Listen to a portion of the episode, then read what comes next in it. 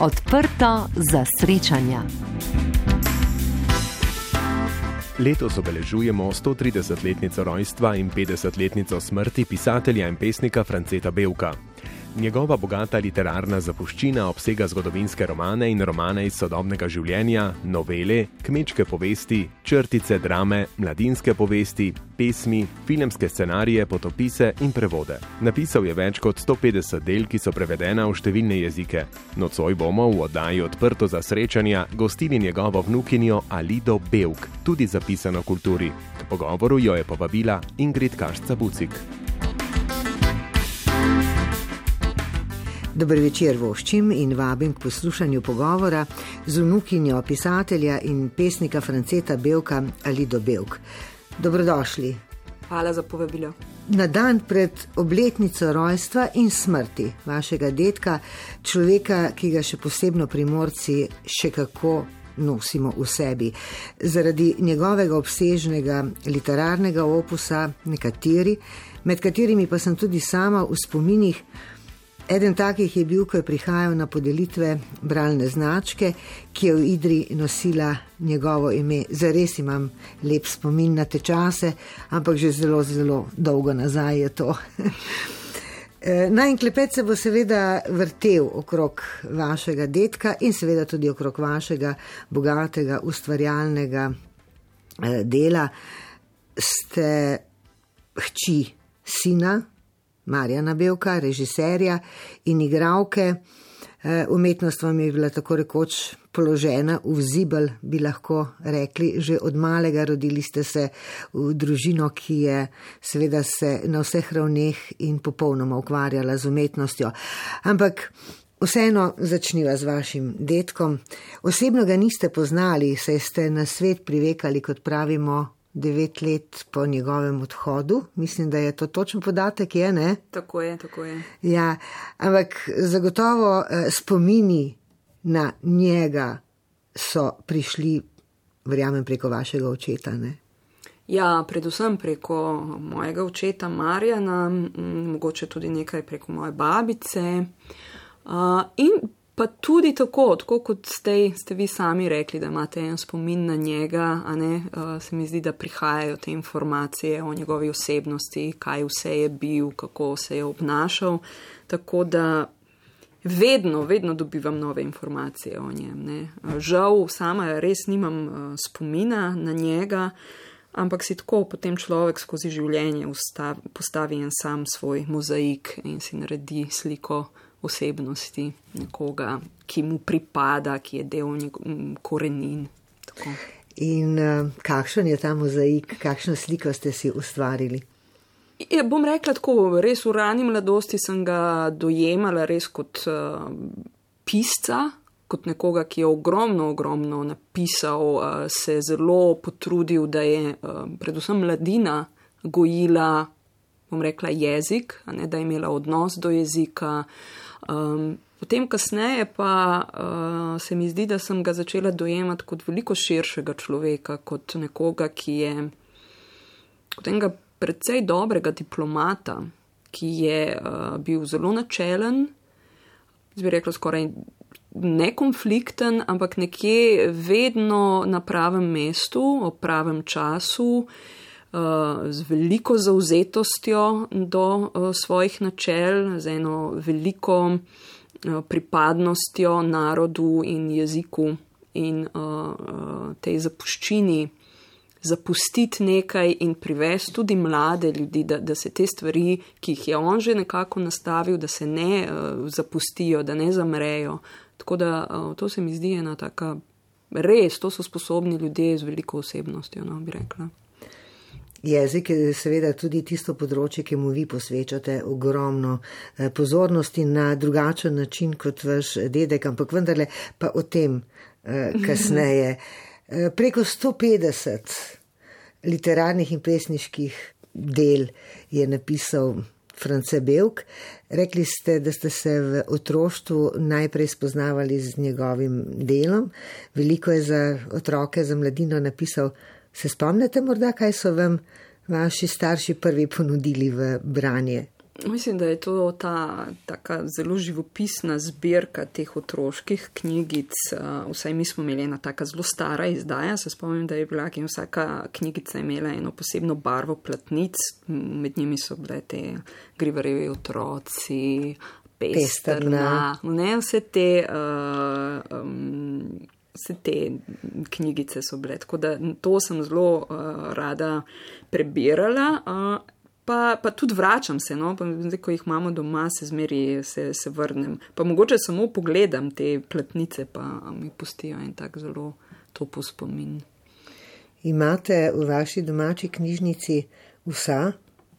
Belkova dela. uh, da, to ne vem, če vsa imamo, pa moj oče se je zelo veliko ukvarjal s tem, imel ogromno, izbiral te prve izdaje, ki so zelo m, težko dobavljive in tudi se ne najdejo, tako da im, tega imamo kar lepo zbirko teh prvih izdaj, potem uh, tudi uh, čedrmaca v večjih jezikih, kar je uh, še posebnost, da, uh, da da je bilo določeno delo prevedeno, tako da s temi stvarmi. Ampak ja, recimo eno knjigo v večjih, večjih izdajah, v večjih variantah, to pa vsekakor. Zdaj pa ne vem, če so pa ravno res vse. Ne. To, no, pa, to pa res to ni tako uh, pomembno, ampak verjamem, da je poseben občutek, uh, ko človek uh, pogleda te izdaje. Ne? Ja, ja, to pa je, to pa vidiš že, da ima eno svojo zgodovino, da so te knjige prenesle z občasa uh, in da so zdaj, ne vem, mogoče na enem takem skrbnem mestu, kjer se, uh, ja, kjer se z ljubeznijo posvečamo no, tem te knjigam, te zapuščini. Knjige uh, so na svojem mestu, kot pravite, seveda, ampak. To, kar je napisal Belk, pa je še kako aktualno tudi danes, da nimo, sami ste rekli, kaplan Martin Čedermac. Ne? Ja, ja, ja, zelo. Tako zelo, brezčasno. Zelo brezčasno in se mi zdi, da ene uh, teme določene, a ne v človeštvu, v zgodovini človeštva so vedno aktualne, vedno se vračamo nazaj k njim, časi se obrnejo. Včasih lahko rečemo, ne vem, če obstaja neko obdobje, aha, dobro, to smo dali skozi potem pa pride vedno kot bumerang nazaj. To, uh, s tem zgleda, da ima človeštvo ogromno za upraviti in sem prepričana, da tudi prej, predtem, preden je on to pisal, so se določeni narodi borili z uh, podobnimi vprašanji, ne? tako kot se danes spet vračamo k tem. Eh, ali da vi. Uh občudujete ste tega svojega detka, eh, ne vem, kovali v zvezde, ga gledali kot eh, nekaj, ker ga pač osebno niste poznali, ga gledali kot nekaj izrazito posebnega? Um, ne, ne, ne, ne. Nikoli nisem gledala na, na njega kot nekaj zelo posebnega, nisem se čutila uh, nič privilegirana uh, zaradi tega, nikoli. Um, mislim, da njegova veličina postaja bolj razumljiva šele na moja zrela, zrelejša leta. Uh, žal pa res ne, nimam tega osebnega stika z njim, da bi lahko um, ta oseba postala zelo, zelo blizu. Vedno je neka taka distanca med mano in njim, bom kar rekla, ker uh, nisva imela tega stika. Tako da se čutim pripadna. Uh, hkrati pa uh, tudi ne, no, na nek način. Pa s tem tudi ne, nič slabega, nič negativnega. No. Vas večkrat sprašujejo eh, o vašem detku, tako ker pač vejo. Ja, povežejo mogoče primek ne, uh, z njim, ampak potem čez nekaj časa, jaz tudi nisem človek, ki bi na vrat na nos to nekako s ponosom prodajala. Uh, Ampak ja, potem, če, če pride do tega vprašanja, potem absolutno rečem, ja, jaz sem ta linija. In potem pride do kakšnega pogovora, hkrati pa vedno potem oseba se eh, sama začne govoriti, kako je bila navezana na določene knjige. Ali, Se pravi, ljudje imajo spomin in ta spomin pride do mene. Tako da uh, gre bolj za to deljenje, da ljudje potem vseeno se vidi, da ena določena literatura je pustila na ljudeh um, vtis. No In to se mi zdi dobro, to je naloga literature. Tako, predlagam, da si privoščimo vsi skupaj nekaj glasbe po vašem izboru, seveda.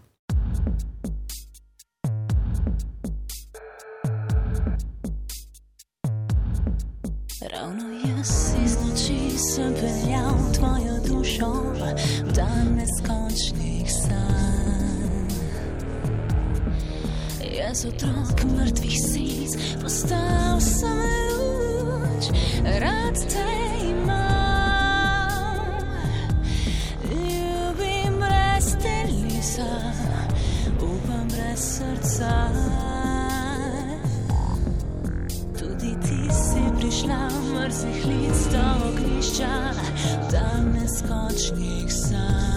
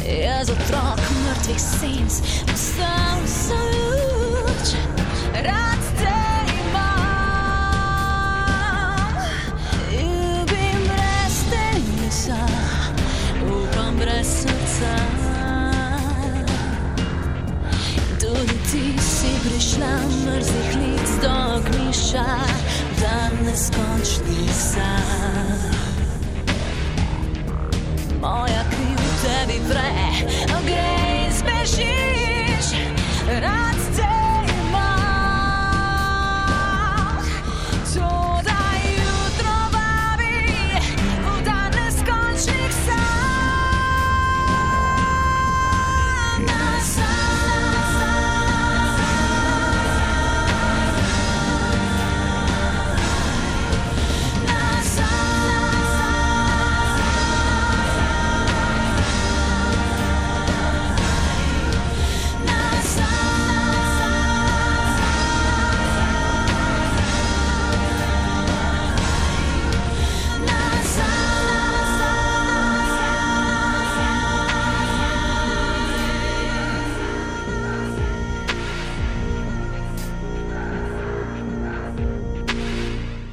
Alido Belk gostimo v današnji oddaji Odprto za srečanja.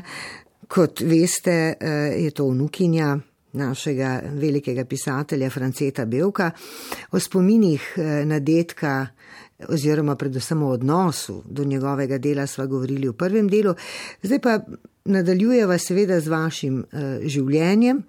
Kot rečeno, hči Belkovega sina Marjana Belka, režiserja, žal tudi že pokojnega eh, in igravke. Umetnost, položeno v zibel, kot rečemo, najbolj preprosto in enostavno. Kako ste vi to vaše otroštvo eh, doživljali v taki umetniški družini? Ste že takrat vedeli, da boste postali igravka in da boste zapisani takemu življenju, takemu poklicu? Um, mislim, da ja, mislim, da zelo zgodaj sem uh, tudi imela sama to željo, odr gledališče je bila moja igralnica in se mi zdi najlepša sploh, kar se otroku lahko zgodi, ker je, mislim, meni je dalo to ogromno e- možnosti domišljije, razvijanja. Um, Igranja, ogledovanja, tako da ta svet mi je bil zelo, zelo blizu, zelo všeč, uh, in nisem imela nič proti no, tej poti. Trenutek morda eh, ste z mamo igralko in očetom režiserjem hodili tako rekoč v službo na te ustvarjalne njihove poti. Ja, zelo veliko. Ne? To se pravi, jaz sem rojena konec 70-ih, ta 70-ta so se še malo prevesila, a ne. Uh, Moja dva starša sta oba dva v tem obdobju bila uh, svobodnjaka, se pravi, to je zahtevalo ogromno mm, potovanj, ogromno mm, premikanj baz in najbolj enostavno se je zdelo, da pač sem jaz uh, zraven ne, uh, in da, mm, da smo skupaj, kolikor se pač da. Tako da, uh, to Zato je bil odr vaša igralnica, na pravi je, odr. Tako, ja, ja, ja, pravi odr. Pravi odr. In od tot, seveda, tudi eh, od malega že ta način življenja in seveda tudi ta uh, predanost uh, temu vas je začaralo, pravite. Ja, me je, začaralo me je in se mi zdi, otrok pravzaprav eh, je neverjetno, ne, kako upijaš tudi takrat znanje uh, te gledališkosti ali pa kjerega koli metjeja. Tako da so mi določene stvari bile uh, res znane že, že prej. Sej včasih je to potem lahko križ, ne, ker uh, mogoče ljudje, ki smo, uh, izhajamo iz določenih okolij in ki ga poznamo, smo mogoče bolj obremenjeni, ker ali smo, si želimo perfektnosti, mogoče smo preveč videli, kaj je prav in kaj ne, seveda v navednicah. In se mi zdi, da včasih so uh, nekateri, ki pridejo res iz svoje lastne čiste želje, manj obremenjeni in mogoče bolj sproščeni v svojem uh, izrazu. Ampak uh, vseeno no, smo se potrudili. Se trudiš tako, kot ti misliš, da je v tistem momentu uh, Najbolj prav. Najbolj prav, ja. Tak, in to je tudi najbolj prav. Najbolj prav je. Ja. Ja. So vas starši kdaj želeli, hoteli preusmeriti od tega poklica? Um, ne, da bi zares želeli. No. Je, tako bom rekla, jaz sem imela vedno, vedno me je uh, umetnost me je zanimala. Sem, sem se čutila in še zdaj se čutim zelo pripadna umetnosti, uh, igravski, dramski, ja, bom rekla temu. Ampak hkrati sem pa imela obdobje, ko sem rekla, a ne, bom rajši to. Se pravi, sem imela odklone od tega, ne? tako da mogoče tudi moja pot uh, nekako je s tem tudi zaznamovana, da vseeno, aha, igravstvo je nekaj, je, sem izkusila, sem tudi naredila ene svoje stvari, ampak so me vseeno stvari po, m, zelo potegnile tudi vem, v ta jezik, v govor, v predavanje, v to, da sem mene stvari pustila za sabo in se potem vračam k temu. Tako da mogoče bi rekla, da. Um, sem že po naravi bolj široka, no, da nisem tako zelo osko usmerjena. Uh -huh.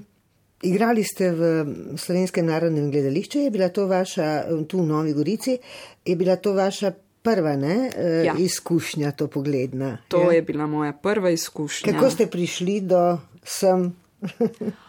A, Mislim, da um, takrat se je, jaz sem končevala tretji letnik akademije in takrat je uh, Taufer, Vito Taufer režiral eno uh, Goldonija, uh -huh. uh, zdrahe, primorske zdrahe in so iskali eno uh, mlado igralko. ne, In, uh, In tako se je pač, ja, jaz sem bila takrat izbrana in, uh, in potem smo ustvarili dober odnos tu uh, z vodstvom gledališča. In uh, sem takrat po končani akademiji ostala in pravzaprav sem si tudi želela v to gledališče, ker uh, mi je, ansambl mi je bil všeč, možnosti so mi bile uh, dane tudi in sem imela zelo, zelo lepo obdobje v Novi Gorici in se vedno z veseljem vračam nazaj. Neke vrste sanski svet, ki vam je pisan na kožo, pravite. Ja, ja, ja, to, to mm, tudi takrat. Tu mislim no. na Vilinčka, Na seveda, ki- Vilinčka, za ki je prišel. prejeli tudi nagrado, Ja, ja. zelo hitro po, uh, po akademiji je prišel Vilinček in je, uh, mislim, da bila predstava ki sem, in vloga, ki sem jo zelo z lahkoto delala, ne da bi sploh vedela, da delam. In um, ja, mi je ostal v zelo lepem spominu. No. Prijeli ste kar nekaj nagrad za uh, svoje igralske uh, stvaritve, seveda popolnoma uh, zasluženo. Ali se še vračate, pridete še kdaj v Novgorico uh, v teater? Ja, zdaj sem članica strokovnega sveta gledališča. In ja, ja, pridem. Jaz imam zelo, zelo dobre stike še uh, s svojimi bivšimi sodelavkami, kolegicami, kolegi in zelo, zelo rada se vrnem v Novo Gorico. Pogledam kakšno predstavo, se ustavim tu, um, poklepetamo. Je preveč, če vas vprašam, eh, kakšna je današnja podoba skozi vaše oči tega gledališča? Jaz mislim, da uh, se je zelo dobro ukrepil igralski ansambl, da ima uh, dobre možnosti, uh, da se je tudi repertoarno in stilsko zelo razprl, kar uh, absolutno pozdravljam te, uh, ta načela in ta razvoj. Um, Je pa vedno ne, stvar uh, odigravanja predstav. Se mi zdi, da je to še eno tako veliko vprašanje v Novi Gorici, ki je bilo že takrat uh, problematično. Ne. Koliko krat se lahko odigra predstava, koliko publike je. Ampak seveda, Nova Gorica ima toliko publike, kot jo ima. ne, ne moreš prisiliti, iz Kena dobiš več ljudi, če jih ni. Uh -huh. Tako da. Um, to, to je vprašanje, ki mogoče niti ne vodstvo gledališča ne more odgovoriti, ampak so to vprašanja, ki jih je treba nasloviti uh, nekam drugam. Nekam više, nekam Ja, drugam. ja, Seveda, ja, ja. ker če se spomnimo časom, ko je bilo to primorsko dramsko gledališče, ko je dejansko s svojimi predstavami šlo tako rekoč vsako vas, ne, po celotni primorski in uh, bi lahko rekli, da je bilo to gledališče, pridemo tudi na dom. Ne? Ja, ja, ja, ja, ja, njegova ja. vloga je zelo pomembna uh, za celoten prostor. Zelo, zelo pomembna in je uh, mogoče treba slediti tudi temu, ne, kako se je pravzaprav sploh formiralo to gled, uh, gledališče. Uh, Zakaj? Kakšne, ja, kakšne potrebe so bile v tem prostoru in uh, ne gre kar tako pozabiti na te stvari, no, ker so, uh, so le korenine, ne, iz tega izhajajo stvari. Ker da je gledališče tu nastalo, ima, tu je en zelo pomemben, zakaj gre za obmejni prostor takratni, a ne, za uh, čuvanje jezika, slovenske besede, to, o čemer je toliko pisal vaš uh, dedek Tako na je. različne načine in o tem, kolikor vi tudi uh, razmišljate. In neka taka vloga je tudi. Eh, Vloga naše radijske postaje, ne? Absolutno. regionalne radija Koper, ki je bil prav tako iz eh, teh razlogov je začel delovati. Eh, Lida, malo glasbi damo prostor in čas. Dejva.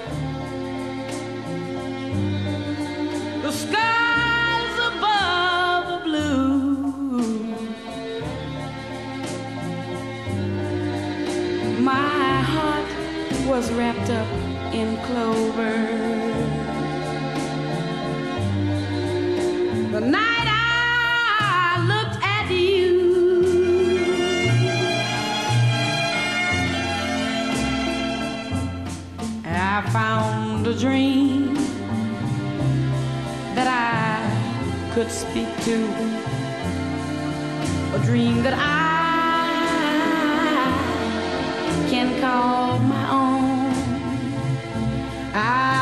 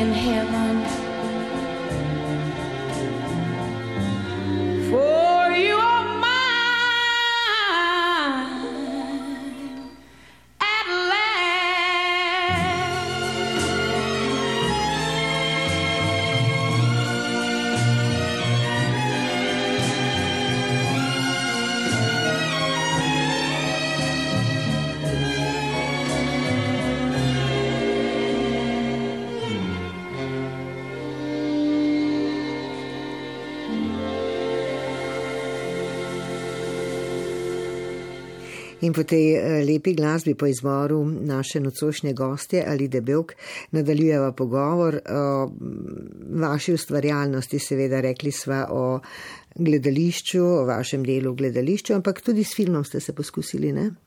Ja, kar nekaj filmskih stvaritev je bilo, za katero sem hvaležna. Niso bile prav velike vloge, ampak se mi zdi, da sem pa lahko sodelovala v filmih, ki so pravzaprav bili na mednarodnih festivalih zelo dobro nagrajeni. Tako da to me zelo, zelo veseli. In me, moram reči, da recimo filmska, filmski mediji me pravzaprav me zelo zanima. Se mi zdi, da ima neke druge moči, ki jih uh, gledališče nima in obratno. In si želim, da bi lahko imela več izkušenj na filmu. Veliko časa je še. Ja, še je. Ja. Zelo veliko časa je še. Uh, sicer ste se pa nekako, bi rekli, bolj odtegnili temu igralskemu poklicu za nekaj časa, kot ste na začetku rekli, da enkrat greste v eno smer, kar vas zanima, potem v drugo. Skratka, da niste m, tako uh, ukalupljeni. Ne, nažalost, res nisem. Zdaj, Ja. To je lahko tudi tako. Križ lahko je pa. Ampak tudi tu velika svoboda ne, in veliko novosti. In pri sebi ugotavljam, da jaz sem človek, ki, ki želi drugačnost, ki želi svobodo, ki želi izkusiti in videti in vedeti. Tako da me samo biti na enem mestu in lahko tukaj potem rečeva ena služba, ena institucija, me res ne zadovolji. Ni Tako da dovolj. je- Ste predava- predavateljica na Akade- Akademiji za gledališče, radio, film in televizijo in sicer eh, predavateljica govora in glasu. Sem se seveda eh, nekoliko informirala. Edina, ki študente urite s posebno tehniko. T- kar malce zapleteno je izreči, to pa bom vam prepustila in vas tudi vprašala, eh, kakšna tehnika je to. Ja, um, bom kar malo bolj natančno razložila. Seveda, ko sem prišla na akademijo, uh, sem dejansko poučevala govor, dikcijo, izgovorjavo, tako kot sem bila tudi jaz učena na akademiji. Potem pa, ker sem re radovedna in uh, sem iskala, katere stvari pa tu mene zanimajo in sem šla globlje, globlje, globlje v stvari, sem ugotovila, da je pravzaprav glas in izraz nekaj, kar me zelo zanima in to je tudi področje, ki pri nas ni bilo prej zastopano na akademiji in ni bilo upeto v igralski študij. In sem uh, poiskala, um, sem si vzela nekaj časa za raziskovanje, za uh, poti v tujino, da vidim, kaj pravzaprav je druge že na teh področjih uveljavljeno. In sem v Ameriki našla gospo Catherine Fitzmaurice in ta metoda je pravzaprav poimenovana po njej, Fitzmaurice Voice Work, um, ki pravzaprav um, raziskuje organski dih, organskost, telesnost, kako pravzaprav potem govor in besedilo, ki ga izgovarjamo, ne, pravzaprav igravci, ker je vse, kar je, kar izgovarjamo, je napisano. In igravc ima to veliko nalogo, da to, kar ni njegovo, poskuša narediti svoje. In tukaj pravzaprav dih in emocija imata zelo, zelo veliko vlogo.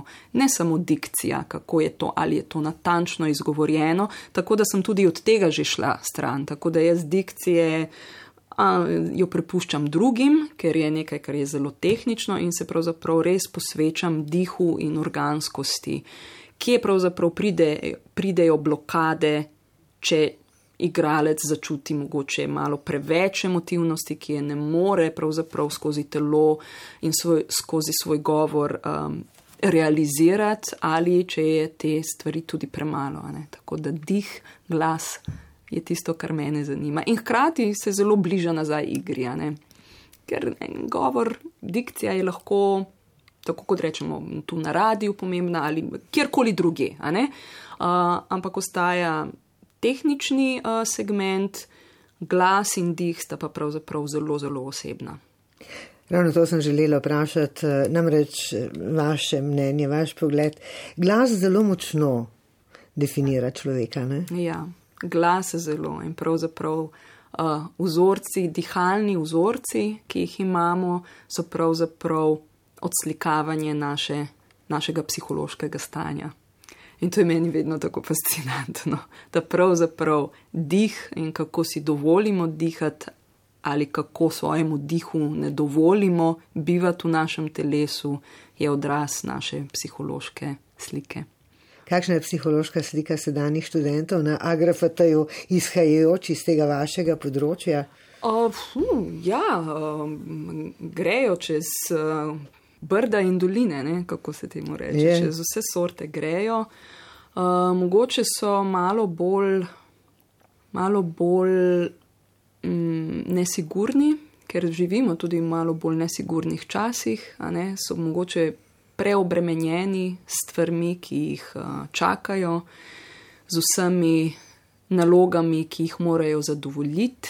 to je pa ne samo pri igravcih, ampak se mi zdi to ena taka sodobna past, komu bomo za, za dosti všeč, ali bomo za dosti všeč. In kako znotraj tega ohraniti sebe ne? in svojo to. podobo? No, in tu se začnemo potem mi pogovarjati, kako pravzaprav lahko počasi spuščamo tisto, kar naj bi bilo primerno za tistega, ki te gleda, kako pa pravzaprav. Ali v tistem zadovoljevanju nekoga drugega, a si tudi ti, smislu, si ja, ti nekje- ali si ti zraven, ali pravzaprav si zelo odtujen od sebe in od svojih želj. In moram reči, da imamo zelo, zelo lepe uh, rezultate, tudi to, da, da so te stvari, ki so tako zelo nove, uh, da so imele možnost sploh zaživeti v uh, našem sistemu, je velika zasluga študentov, ki so, ki zve, zmeraj znova rečejo ja temu, da, da, da čutijo eno en velik benefit, no, da se jim zgodi nekaj zelo pomembnega in da jih zanimajo stvari in da se želijo učiti naprej. Je naša akademija eh, ena tistih, ki z gotovostjo išče nove metode in je do te mere dobra, bi rekla, v vseh pogledih in široka, da eh, se ni bati za kader na tem Ne, področju. Ne, jaz mislim, da ne, da je zelo, zelo kvalitetna šola. Uh, Seveda, povsod so stvari, ki, ki bi se jih dalo izboljšati, ampak se mi zdi, da se kader zaveda vsega, se zavedamo, kje lahko še napredujemo in da se zelo, zelo odpira in izboljšujejo stvari in vedno smo v koraku s časom in z novimi metodami. To pa res. Sem zelo zadovoljna, da je tako, kot je. Imate pogled, torej se lahko veselimo novih uh, igralskih uh, Ja. uh, genijev. Ja, ja, ja, ja, ja. Jaz mislim, da so zelo, zelo pogumni, zelo lepe generacije, so že prišle ven um, in tudi tako in enako kvalitetne prihajajo, tako da je, ne bo nam slabo. ne bo nam slabo. Eh, ne bo nam Pravite, da hudega. že tu, eh, kjer eh, to predavate, učite eh, na tem področju eh, diha, glasu, eh, kam se pa že ozirate? Ker prav dolgo najbrž tudi na tem ne boste ostali. Ne, ne, pa ne zato, to- ker bi bili, verjamem, da ne zato, ker bi bili neočakani ali pa ne bi znali vzdržati na enem mestu, ampak ker vas zagotovo že spet kaj novega zanima. Um, zanima me mogoče bolj poglobljeno, to moram reči, da sem zelo hvaležna, ker uh, vidim ogromno sveta na, na račun teh svojih znanj, ki so zdaj že moja in tudi zelo skombinirana z, uh, z vsem ostalim, kar sem se jaz tu učila. Ne? Tako da, uh, Predavate tudi druge, ne? Ja, ja, ja. Tujina, je, tujina je recimo nekaj, kar uh, mene zelo fascinira in sem zelo zadovoljna, ker lahko določen uh, čas, določeno življenje preživim uh, v tujini in delam v tujini. To je meni zelo, zelo blizu in moram reči, da nisem vezana samo na slovenski prostor. Uh, in mi je to zelo fajn. Da. To sčasoma ni več tujina potem, ne? Ne, ni več tujina, tudi tako se jaz počutim. Ko grem nekam v tujino, se ne počutim, da sem tujec, se počutim, da sem med svojimi ljudmi, med novimi ljudmi. In to je tudi nekaj, kar sem si želela in kar si še želim, da spoznavam nove ljudi, da imam stik z novimi ljudmi. uh, da navezujemo stike, da se konstantno urim, preverjamo uh, in izboljšujemo stvari. Tako da uporaba drugih jezikov je nekaj, kar je recimo meni zelo blizu in kar si želim. Koliko jezikov vladate? Uh, bom rekla, ene šest, kaj takega. Ene šest. Ne štejem, pravzaprav. Seveda, vsak je lahko na svojem nivoju, mogoče ne bomo rekli, da so vsi perfektni, ampak um, se zelo hitro učim in, in postanejo vedno bolj ne, um, tekoči in domači ti jeziki. Tako da, ja, komunikacija, definitivno. Na, se pravi, nekaj, kar je s komunikacijo povezano, je pravzaprav res del mojega sveta. Ne. Zdaj pa ali komuniciramo preko vloge, ali komuniciramo v drugem jeziku, ali komunicira s študentom ali s kolegom. To, to je to, nekako ta, tu se gibljemo.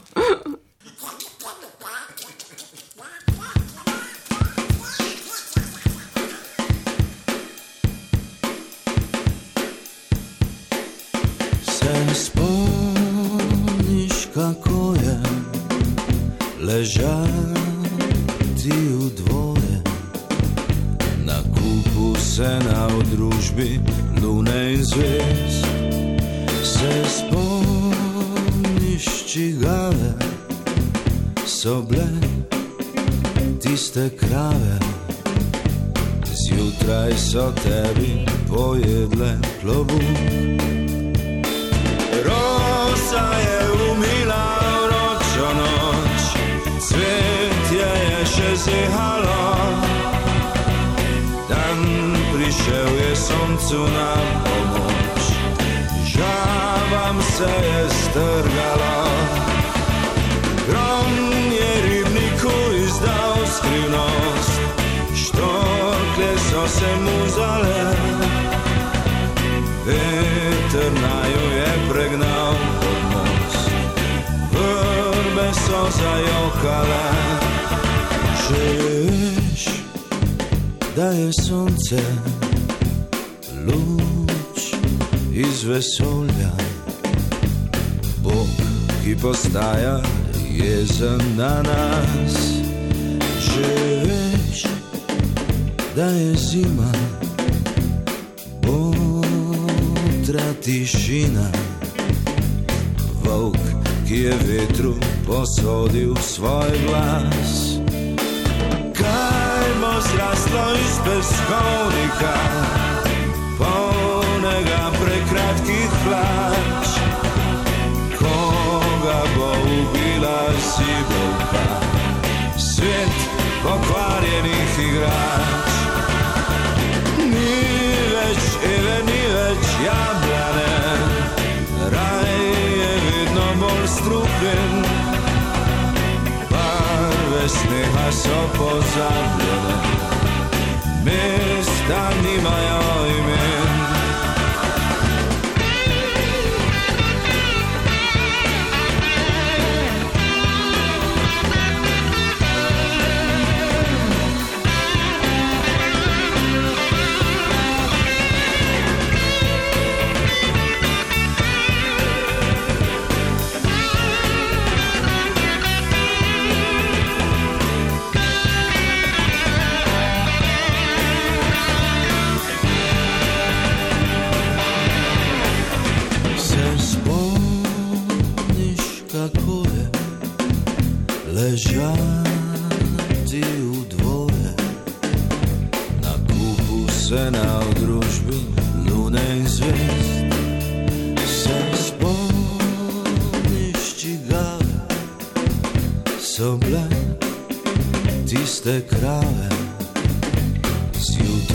So tebi pojedle klobuk.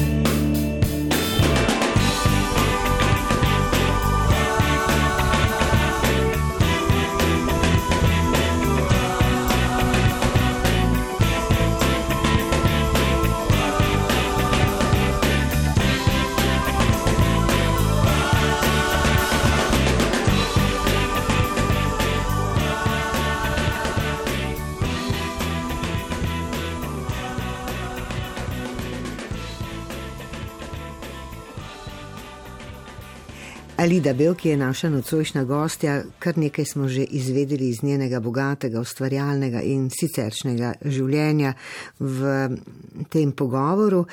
Um, ni samo vnukinja, seveda našega pisatelja Franceta Belka, ampak tudi hči priznanega režiserja Marjana Belka, žal pred petimi leti se je poslovil, za seboj pa pustil eh, kar nekaj eh, pomembnih ustvarjalnih eh, dosežkov, eh, tudi mladino je poučeval, to je nekako v družini Belk, ne skrbeti za generacije.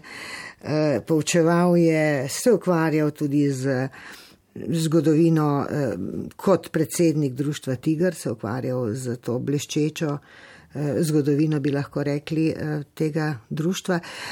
Vidva sta pa tudi kar precej sodelovala kot oče in hčija, ne? Ja, ja, ja, to nama zgleda je ostalo od mojega ranega otroštva, da potem sem lahko sodelovala v njegovih projektih, da sva tudi skupaj ali gledaliških ali na proslavah. On je vseeno režiral kar veliko število državnih proslav ali pa lokalnih. Um, in tudi poučevala uh, mladino skupaj, predvsem on se je ukvarjal z beneškimi slovenci, uh, ti so mi bil, mu bili zelo blizu in tudi meni, tako da sva kar veliko uh, časa posvetila njim. Pa seveda tu na uh, Goriški gledališki gimnaziji sva oba dva postila svoj pečat. In nekako bi rekla, ja, da če pogledamo Franceta Belka, Marjana Belka in mene, da je le skupno skupna točka ta neka skrb za mladino in uh, ja, izobraževanje, pravzaprav uh mhm. -huh. vsak na enem svojem področju, ampak je. To je rdeča nit. Ne? To je rdeča nit. Je ja, rdeča ja. nit. ta je ta. Lida je bilo uh, z očetom vseeno gre ne za ta sorodstveni odnos, pa kdaj težko, sta si kdaj skočila v lase, sta si najbrže. Ampak... Uh, ne, jaz bi rekla, da na uh, poslovnem uh, nivoju. V delu nikoli, pravzaprav tu ne, če smo imela nesoglasja, so bila zgolj res osebna, ampak na poslovnem, umetniškem področju sva si pa pravzaprav bila v veliko uporo in jaz sem njemu dejansko res zaupala, da, da gre vedno v pravo smer in se je tudi dosti krat tako izkazalo. Pri tem klepetu nikakor ne moreva mimo ene zelo težke vaše izkušnje, ki se navezuje na zdravje. Zdaj smo v času uh, tega uh, koronavirusa, ko vendarle zelo malo je poznanega, malo se ve, smo nekako, to je kot nekak demoklejev meč uh, mm. nad nami, kako in kam se bo razvilo. Vi pa ste imeli uh, izkušnjo vem, z virusom ali z bakterijo, za tudi katero tudi bil. niso vedeli, zakaj gre in ste pravzaprav uh, zaradi tega že skoraj da prestopili ja. prak med življenjem in smrtjo. Tako je, tako je. Pravzaprav sem ga že prestopila in potem sem po nekem čudnem naključju prišla nazaj. Uh, Bilo je vprašanje virusa in uh, zelo agresivne oblike ne, tega virusa, ki se niso uspeli predvideti, kako pravzaprav se bo razvila situacija in uh, takrat res ni bilo prijetno. Ker se je nekako izšlo tako, kot se more, da sem vseeno prišla nazaj s pomočjo seveda tudi uh, mojega očeta in zelo, zelo veliko ljudi, ki so takrat pristopili na pomoč in naredili vse, kar je potrebno, da mlad, zdrav človek ni umrl, a, to vsekakor. E, tudi ne, o, o, okrevanje, okrevanje je bilo težko, dolgotrajno. Vse te stvari so potem tudi pripomogle k temu, da sem se morala za ene stvari odločiti drugače, da sem se morala mogoče res posloviti od samo stoprocentnega dela na odru, ker Okrevanje je, um, ne, po taki bolezni je okrevanje recimo enega leta je samo del okrevanja. Okreva se dlje časa in si pravzaprav moraš sam ustvariti pogoje tako, da, da, da bo tvoje življenje nekako le kvalitetno. Za naprej. Ne, tako Težka izkušnja, ampak eh, pravite, da si želite vsakršnih izkušenj, take si zagotovo niste želeli. Ne, ne, tega- Ampak iz nje vendarle verjamem nekaj potegnili. Tega nisem imela na uh, spisku svojih želja. Ja. Res je prišla nepričakovano in mislim, ne bi si jo mogla izmisliti. Um, kaj sem potegnila? Potegnila sem, ne vem, mogoče več stvari. Uh, potegnila sem vsekakor to, da sem se morala za ene stvari uh, odločiti zase. eh, Da uh, to je prineslo tudi mogoče tudi kakšna razočaranja, ampak da včasih se ne da drugače in da pravzaprav ljudje, ki mogoče so na tvoji strani, ki pravzaprav zelo hitro rečejo, da ti bojo v uporo in da vse razumejo, takrat, ko prideš nazaj in si na vide zdrav, si pravzaprav lahko samo številka in si um, spet v sistemu, kjer se te lahko izkorišča, tako kot bojo drugi rekli. In tukaj moraš pravzaprav zelo veliko sam zase narediti da ostaneš sebi nekako, da si ti, da si ti sam ustvariš pogoje, ki bojo zate dobri. a ne. To tudi brez take izkušnje je fino, če človek do tega pride. Ja, ne? so pa Ja. težke te stvari, niso, ne? niso, niso lahke, zato ker um, vidiš, vidiš, kje stvari mogoče izgubiš, zelo jih imaš pred sliko ne? in se moraš nekako soočiti s tem, kaj ja, pa kaj ne. Tako da um, ni lahko. Ne. ne, ne. In predvsem je potrebno precej uh, lastnega razmisleka, Ja, verjamem, in ja. tudi uh, ne vem, neke trdnosti. Ne? Trdnosti, vsekakor, ampak zaenkrat moram reči, bom kar potrkala, pa ne bom na les zdaj trkala, kot da sem Pa tukaj. tudi na, lahko, najino pa naj drži. Tako. Da pravzaprav uh, nekako tako, kot sem se odločila, tako kot uh, peljem svoje življenje, je za moje zdravje v redu, ker nisem imela in nimam uh, nobenih um, posledic. Uh, zdravje je zelo stabilno, zelo mi gre na roko, zelo me podpira v vseh teh svojih novih podvigih in odločitvah in so tudi zdravniki zelo, zelo zadovoljni in presenečeni. Tako da to je potem nekako potrditev. Zelo lepo je to slišati in še naprej vam seveda iz srca želimo tako. Uh, ne morem nekako mimo tega, v kakšnem položaju je kultura. Dan danes, kakšen je odnos torej odločevalcev do kulture, ko dejansko človeku zastane dih, zdi se mi, da bi vašemu pokojnemu detku Ne vem, kaj bi se mu zgodilo, če bi to gledal v današnjih razmerah in to poslušal.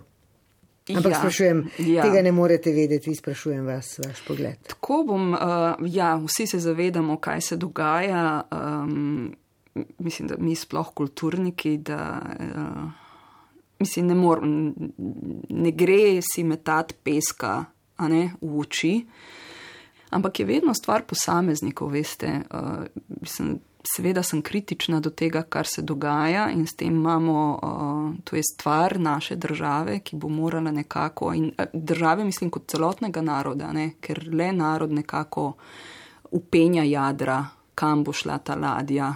Zdaj nimamo kaj, ne. Tako je, zdaj se bomo mi zbudili kot celoten narod, ampak hkrati se mi zdi, kar je bil pa mogoče tudi Belkov. Uh, Pevkov stil in uh, staž je to, da je on kot posameznik naredil tisto, kar, uh, za čemer je on lahko stal. In mislim, da tudi kulturniki moramo pogledati, a imamo res na tistih pozicijah, ki so, kjer so kulturne ustanove, res najboljše ljudi, ki lahko grejo takim odločitvam čudaškim v brk se jim lahko zoprstavijo, ali smo samo pridni, pa rečemo, joj, to nam delajo. A veste? Ja. Ne gre posploševati vedno. Posploševati je taka, mislim, to je moje mnenje. Ne? Ali so ti ljudje, ki imajo neke določene pozicije, res borci za to? Ker moraš biti borec. Moraš biti borec. Ali bomo samo kazali, gledajte, to nam delajo, to naj delajo, ampak jaz pa nič ne morem. Moraš biti čedermac. Ja, moraš biti. Ni, ni druge. Nikaj, ni nič ne druge. pride samega. Ne, jaz mislim, da res ne. Ali se bomo, se pravi, vsak na svojem področju se mora res boriti za svoje področje, ne za kar za vse globalno. Ne moreš zmagati vseh vojn. Moraš izbrati svojo in tisto res, res peljati do konca. Ne? Drugače se mi zdi, um, je lahko vse zelo hitro posplošeno in izgubljeno, in je, smo kar v mlaki potem. Naj bojo te vaše zadnje misli eh, tudi zaključek najenega današnjega pogovora. Hvala, da ste se odzvali, prišli v Novo Gorico in z nami in s predvsem seveda s poslušalci eh, delili vaše razmišljanja, vaše življenje, konec koncev dosedanje in eh, srečno vam želim in zmagajte vse vojne, ki si jih boste zamislili. no. Vojne v Ja, narekovanjih, ja, seveda. vojne, vedno vojne v narekovajih. Ja. Hvala za Ali da povabilo. Bevk, hvala lepa. Hvala vam in srečno vsem. Poslušali ste oddajo Odprto za srečanja, v kateri smo gostili unukinjo pisatelja Franceta Belka, sicer pa igralko in vsestransko ustvarjalko Alido Belk. Oddajo sem pripravila Ingrid Kašca Bucik, tehnična izvedba Igor Valentinčič.